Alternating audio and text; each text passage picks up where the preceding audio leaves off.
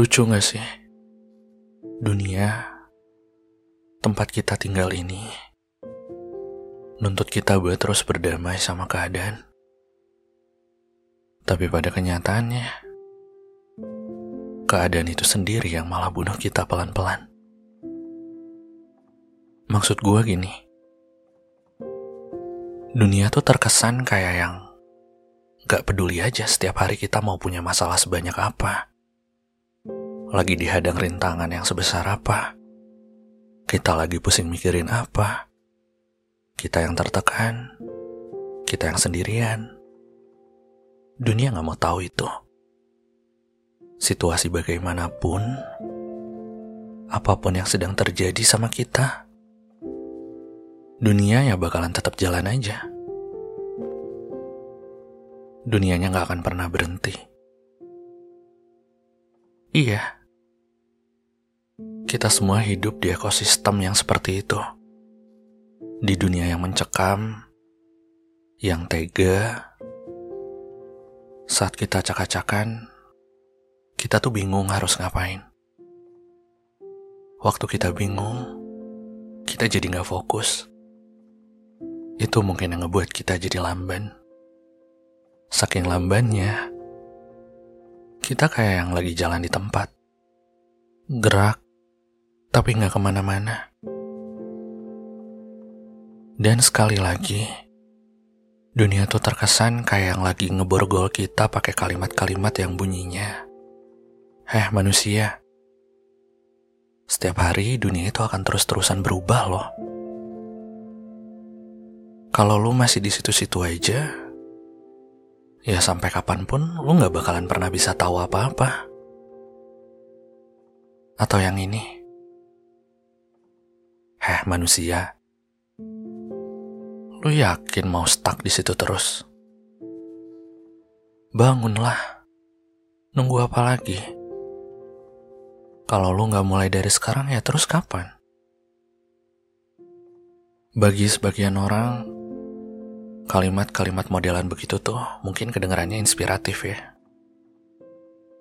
Tapi bagi gua, itu malah terdengar kurang sportif aja.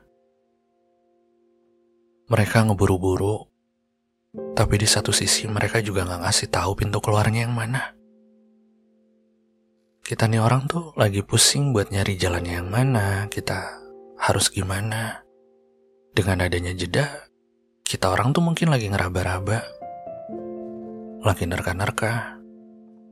Karena kita punya banyak ketakutan yang nggak bisa kita proses dalam satu waktu.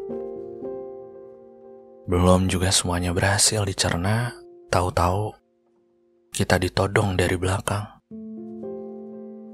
Terus penjahatnya bilang, "Lu mau gue bunuh di sini? Atau sekarang juga lu jalan?" Dengan waktu yang sesingkat itu, apa kita bisa mikir jernih? Sebagai makhluk yang bernyawa, ujung-ujungnya juga kita pasti bakalan ngikutin naluri bertahan hidup. Ya kalau disuruh milih antara hidup dan mati, ya mau gak mau gue harus jalan. Masalahnya, manusia kalau lagi terdesak, biasanya lebih banyak cerobohnya. Lu gak akan pernah tahu jalan yang nantinya lu pilih itu bakalan ngebawa lu ke tempat yang lebih aman atau jalan itu malah nganterin lu ke ujung jurang. Jujur, di umur gue yang sekarang aja, gue masih sering kejebak di kondisi yang seperti itu. Dan itu semua kejadian sama diri gue lebih dari satu kali. Lama-kelamaan, perasaan jadi gak jelas. Hati gue jadi penuh. Penuh sama ketidakpastian, gue ngerasa kayak lagi ngambang. Kosong dan hampa aja gitu.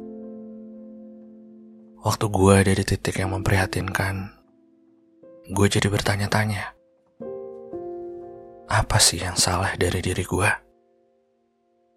Tapi semakin lama gue pikirin, gue malah makin gak tahu. Dan di saat gue gagal dapetin jawabannya apa, gue mulai merefleksikan diri gue sama lingkungan yang ada di sekitar. Gue berkaca dan mulai membanding-bandingkan diri gue sama orang-orang. Pasti ada kan manusia-manusia di sekeliling kita yang hari-harinya penuh sama bermalas-malasan. Tapi mereka tuh kayak yang gak punya beban aja gitu. Padahal mereka hura-hura, boros, dan semau-maunya mereka. Tapi ya gitu, dunia tuh masih bersikap sopan aja gitu sama mereka. Orang tua mereka berkecukupan, punya pekerjaan, punya tunjangan. Mereka mau ngeluh tentang apa? Mereka nggak akan pusing besok mau makan sama apa. Paling cuma ngeluh soal menu jajanannya aja yang kurang enak. Mereka nggak akan pusing ngelihat isi lemari bajunya berantakan Paling cuman ngeluh kenapa belanjaannya kurang banyak. Kenapa belum punya sepatu warna merah. Kenapa kulitnya kurang glowing. Kenapa belum punya tas yang edisinya terbatas. Kenapa jam tangannya kurang mahal. Kenapa handphonenya ketinggalan zaman. Kenapa kendaraannya kurang mewah. Kalaupun di dalam hidupnya aja mereka nggak kepengen apa-apa, mereka bakalan tetap baik-baik aja. Sedangkan gue, gue sangat sadar diri kalau gue itu datang dari kalangan yang biasa-biasa aja. Nyokap gue yang udah lama menjanda, makin hari tuh makin kelihatan tua. Buat ngurusin dirinya aja udah kesusahan, apalagi kalau harus ngurusin gue. Semua tanggung jawab yang ada otomatis larinya ke pundak anak-anaknya. Karena kita berdua udah gak punya siapa-siapa Selain surat tagihan listrik yang neror kita tiap bulannya, selain harga minyak dan bahan-bahan yang makin bengkak harganya, boro-boro mau mikirin punya asuransi kesehatan. Bisa ngasih nyokap uang buat masak aja udah, puji syukur Tuhan. Ketika orang lain yang seumuran asik-asiknya ngerasain masa mudanya yang penuh dengan keindahan, gue malah diharuskan gendong beban dari sewaktu gue masih belasan. Dari situ gue menduga, kayaknya dunia yang ideal itu emang hanya diperuntukkan bagi mereka-mereka yang berkemampuan aja deh. Bukan buat orang-orang seperti kita yang serba kekurangan. Yang masih menganggap kalau selembar sepuluh ribuan itu adalah jalan setapak menuju kebahagiaan. Yang masih menganggap kalau beras sekiloan itu adalah perhiasan berharga yang bisa membawa kita menuju kehidupan. Dan buat bisa gapai itu semua, otak lu dibanting, badan lu dihajar habis-habisan. Tapi lu tetap aja harus hahaha di depan banyak orang. Dan yang paling gue gak suka dari menjadi dewasa itu adalah rasa-rasanya gue tuh kayak yang gak boleh aja gitu buat istirahat. Setiap hari gue ngerasa kayak yang lagi dikejar-kejar sama sesuatu yang sampai sekarang aja gue gak tahu itu apa. Gue selalu membayangkan diri gue yang udah ketinggalan dari orang-orang dengan posisi gue yang jauh ada di belakang. Itu hal yang selalu menghantui gue untuk terus-terusan berpikiran kayaknya gue gak layak aja gitu buat istirahat. Sampai tiba masanya gue bener-bener lagi ngerasa capek. Dan sekali lagi gue coba buat duduk, buat narik jeda. Gue tahu kalau gue lagi kayak gini, sebentar lagi tuh penjahat yang sama itu pasti bakalan nodong gue lagi dari belakang. Tapi untuk yang kali ini, gue coba untuk stop berontak melawan. Dan gue putuskan Rasa sakit itu gue perlakukan seperti kawan. Gue peluk, kenceng banget, sampai gue nangis sejadi-jadinya. Waktu air mata gue kering, gue jadi keinget sama sesuatu. Kalau selama ini tuh gue udah terlalu bego buat sadar akan satu hal. Kalau hidup ini tuh bukan arena balapan. Jadi kenapa gue harus buru-buru? Ternyata istirahat itu nggak bikin gue jadi benar-benar tertinggal. Meski ada di koridor yang serupa, meski kita dibuat sedikit buta untuk bisa tahu ujungnya ada di mana, tapi ternyata garis finish setiap orang itu nggak sama. Karena masing-masing dari kita tuh punya lintasan yang beda-beda.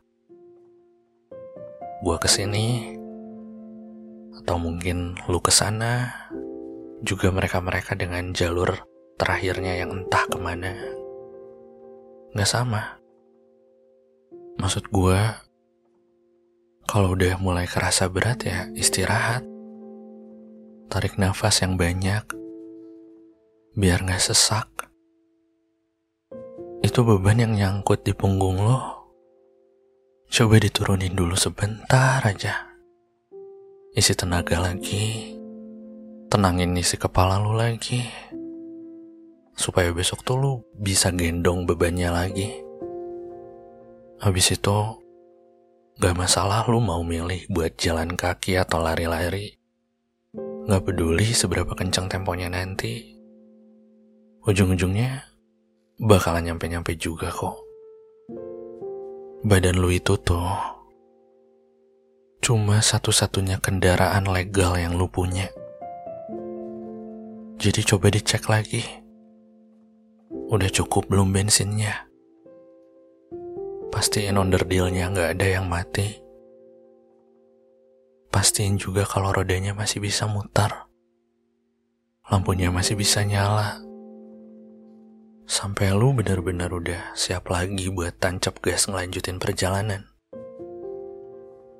Pelan-pelan aja. Biar lu tuh bisa sekalian nikmatin pemandangan. Nggak usah pakai kebut-kebutan Nikmatin aja prosesnya. Oh iya. Jangan lupa itu hati kalau bisa lu pasangin sabuk pengaman. Soalnya di jalanan itu rawan kecelakaan. Perihnya jangan lama-lama ya. Semangat. Soalnya gue pun udah lumayan berhasil berkendara dengan selamat. Kabarin gue kalau lu udah ngelewatin pos demi pos. Rintangan demi rintangan. Hari demi hari. Nanti, gue bakalan nungguin lu semua mampir di persimpangan. Cuman buat ngasih tahu sama lo, kalau lu itu orang yang hebat yang kuat. Karena lu udah mau nempuh kilometer hidup sampai sejauh ini.